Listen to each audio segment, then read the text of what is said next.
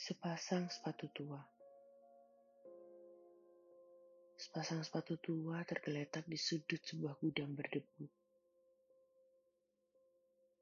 Yang kiri terkenang akan aspal meleleh. Yang kanan teringat jalan berlumpur sehabis hujan. Keduanya telah saling jatuh cinta kepada sepasang telapak kaki itu. Yang kiri menerka, mungkin besok mereka akan dibawa ke tempat sampah, dibakar bersama seberkas surat cinta.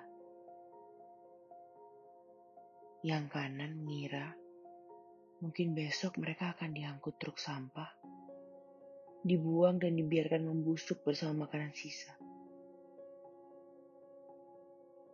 Sepasang sepatu tua itu saling membisikkan sesuatu yang hanya bisa mereka pahami berdua. Sapardi Djoko Damono